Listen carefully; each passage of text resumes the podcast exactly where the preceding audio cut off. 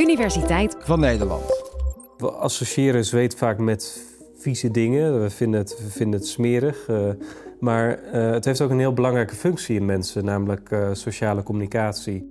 Hoe communiceren we met zweet? Gedragsbioloog Jasper de Groot van de Radboud Universiteit Nijmegen doet er al zijn hele leven onderzoek naar.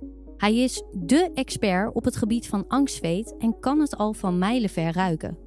Nou, mijlenver is niet waar. Als in uh, uh, misschien een, meter afstand. Maar geuren hebben wel een vermogen om zich over grote afstanden te verplaatsen. Maar wel in een wachtrij voor bijvoorbeeld de baron in de Efteling. Dat ik het opmerkte bij iemand anders. ik denk van, hé, hey, die geur die herken ik uit mijn experimenten. En toen dacht ik, ja, dat is natuurlijk iemand die bang is voor die, voor die achtbaan. Angstzweet ruikt namelijk anders dan sportzweet. Raar misschien, maar dat is niet zonder reden. lang geleden, dus bijvoorbeeld als een soortgenoot van ons een grot inging... en daar, daar, daar zat een beer in die een persoon heel veel angst aanjoeg dan kan dat een geur van angst veroorzaken die daar een beetje blijft hangen. En dan als een andere soortgenoot dan daar in de buurt komt, dat hij dan alert gemaakt wordt van, oh ja, er is hier iets aan de hand, ik moet opletten. En ik moet daar niet heen, maar ik moet juist de andere kant op. Ik moet vermijden. En geur is een van de, ja, een van de communicatiekanalen waarmee we dat kunnen bereiken, anders dan uh, andere dieren ook alert maken met, uh, met, met, met, met, uh, met wilde gebaren of door hard te schreeuwen of iets dergelijks. We kunnen de angst van een ander ruiken en zijn dan meer op onze hoede. Tijd voor een experiment. Dan mag je hier gaan zitten en dan ga ik ervoor zorgen dat je straks ja, dat geurexperiment kunt doen. Dus daarvoor mag je dit even onder je neus houden. Daar komen straks de geuren doorheen. Een van die geuren komt van Universiteit van Nederland-redacteur Eliane. Zij heeft pets onder haar armen gekregen die haar zweet opvangen. Ze neemt plaats in een donkere, lege bioscoopzaal. Nou, ik wil echt niet van horrorfilms. Waar de meest gruwelijke momenten uit horrorfilms te zien zijn. Haar verse angstzweet gebruiken we straks voor ons experiment. Maar voordat we aan angstzweet gaan ruiken, wat is zweet eigenlijk? Zweet heeft eigenlijk twee functies. Dus de meest bekende functie is dat je ja, over je hele lichaam gaat zweten om, om af te koelen. Dus je hebt het bijvoorbeeld warm, of je bent intensief aan het sporten, je lichaam moet warmte kwijt en dan komt er water uh, op, je, op je huid. En als daar wind overheen komt, dan helpt dat om je af te koelen.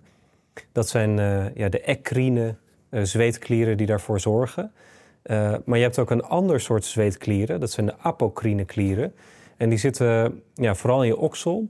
En die uh, reageren op ja, als de adrenaline door je lijf giert. Bijvoorbeeld als je kijkt naar een horrorvideo en daar heel gestrest door raakt. En dan zorgt dat voor een ja, vloeistof die in eerste instantie nog geen geur bevat. Dus ze hebben een soort van molecuulvoorlopers die in die vloeistof zitten. Maar doordat er ook bacteriën uh, in je oksels zitten, dan die reageren daar weer op. En uiteindelijk creëert dat moleculen die we ook daadwerkelijk kunnen ruiken. Dat is een ander soort zweet. Apocrine zweet is anders in de oksels uh, dan wanneer je het gewoon warm hebt. En uh, dat je gewoon zweet op de rest van je lichaam. het heeft een andere geur. Even samengevat. De ecrine zweetklieren zorgen dus voor afkoeling. De apocrine zweetklieren die worden geactiveerd wanneer je emoties zoals angst ervaart. In zijn lab kan Jasper verschillende zweetgeuren exact namaken. Zowel gewoon zweet als angstzweet. Handig voor zijn onderzoek, want dan hoeft hij niet de hele tijd proefpersonen naar horrorfilms te laten kijken. Trots laat hij redacteur Nicky aan een van zijn geurcreaties ruiken. Ja, het is net alsof je een uh, sporttas te lang hebt laten liggen. Het ruikt een beetje naar uh, vieze voeten. Dat is uh, valeriaanzuur. En in dit buisje zit de geur van angst die we hebben nagemaakt. Het is niet een kenmerkende geur, de geur van angst. Het is, een zweetvoetengeur is heel sterk en dat meestal intenser. En dat herken je ook uit duizenden. Maar de geur van angst is subtieler. Het is een beetje een licht, het is licht zuurig. Niet heel erg overdreven geur, uh, licht onplezierig. Um, ik zou er geen woorden aan kunnen vuilmaken, anders dan dat ik het herken als de geur van angst. Dat goede reukvermogen van Jasper is niet uniek. Mensen kunnen sommige geuren zelfs beter herkennen dan bijvoorbeeld honden dat kunnen. Je het vergelijkt met de andere zintuigen, uh, we kunnen miljoenen kleuren onderscheiden en, en duizenden tonen. En bij geur was eerst het idee, nou misschien kunnen we 10.000 geuren onderscheiden, maar er is een uh, onderzoek geweest dat laat zien dat we zelfs uh, tot een triljoen geuren kunnen onderscheiden. Dus veel meer dan kleuren en tonen samen. En het bijzondere daarvan is, is dat we daarmee emoties kunnen uitdrukken en dat dat niet invloed heeft op onszelf, maar op een andere persoon. Inmiddels is Eliane klaar met griezelen en hebben we genoeg echt angstzweet verzameld voor ons experiment. Dit is het angstzweet dat we van Eliane hebben verzameld tijdens het kijken van de horrorfilms. En we gaan nu kijken wat voor effect dat heeft op onze proefpersoon tijdens het experiment.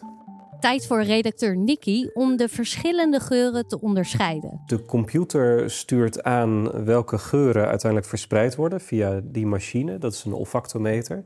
En uh, zo ruikt ze verschillende geuren. Dus die, die walgingopwekkende zweetvoetengeur, de geur van angst uh, in, in dat potje, dus de moleculen die we hebben uh, nagemaakt. En ook uh, de geur van angst die we hebben verzameld uh, tijdens de horrorfilmpjes. Um, ja, en, en gewone lucht, om te kijken wat het verschil daar allemaal tussen is. Ruikt niks. Nu is uh, onze proefpersoon bezig met het beoordelen van gezichten. Je koppelt namelijk onbewust de geur die je ruikt aan de emotie die je denkt te zien op iemands gezicht. Ik rook hem niet zo goed de taak is om eigenlijk aan te geven van bevat dit gezicht angst of walging. En het idee is dat als uh, de geur van angst uh, wordt aangeboden, vlak voor het zien van zo'n gezicht, dat onze proefpersonen en mensen in het algemeen eerder geneigd zijn om angst in het gezicht te zien dan walging. En bij die zweetvoetengeur is het andersom. Dan zien ze eerder walging in het gezicht. Dus dat uh, proberen we zo te onderzoeken. Angst moet dus onbewust angst opwekken. En walging zou nog meer walging opwekken. Ja, klinkt logisch, maar Nikki kreeg vooral, zonder dat ze dat wist, angstzweet aangeboden. Dus het kan zo zijn dat ik nu angstiger ben. Ja, dus uh, het, het, kan zijn dat het misschien een beetje een na-effect uh, heeft. Maar het is, het is, niet zo sterk als het effect van uh, wanneer je een leeuw loslaat in het lab en je daar nog uh, heel lang adrenaline van hebt. Maar uh, je hebt ook een walgingopwekkende geur uh, geroken natuurlijk. Dus daar kun je ook nog na-effecten van hebben. Het lijkt Nikki nu allemaal weinig te doen, maar waarschijnlijk is er toch iets bij haar getriggerd. Het vermoeden is dat het gewoon een mechanisme is waarbij, waarmee we een soortgenoot kunnen waarschuwen. Dus als je angstig wordt, dan produceer je angstzweet. En dat kan, dat kan jezelf alerter maken, maar ook een soortgenoot. Het kan een soortgenoot waarschuwen, zelfs al Um, terwijl je niet eens meer aanwezig bent. Dus een soort, uh, bij zo'n spreken, een soort e-mail uit de prehistorie is het. Je hoeft zelf niet aanwezig te zijn om een boodschap over te brengen.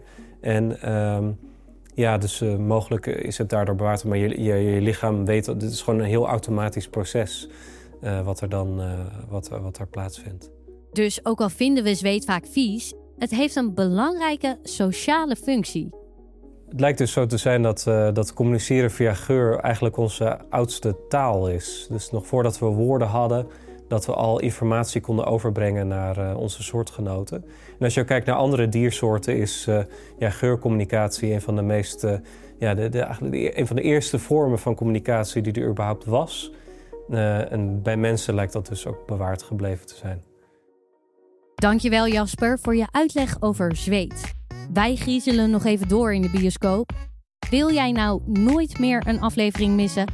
Blijf ons volgen. Tot de volgende!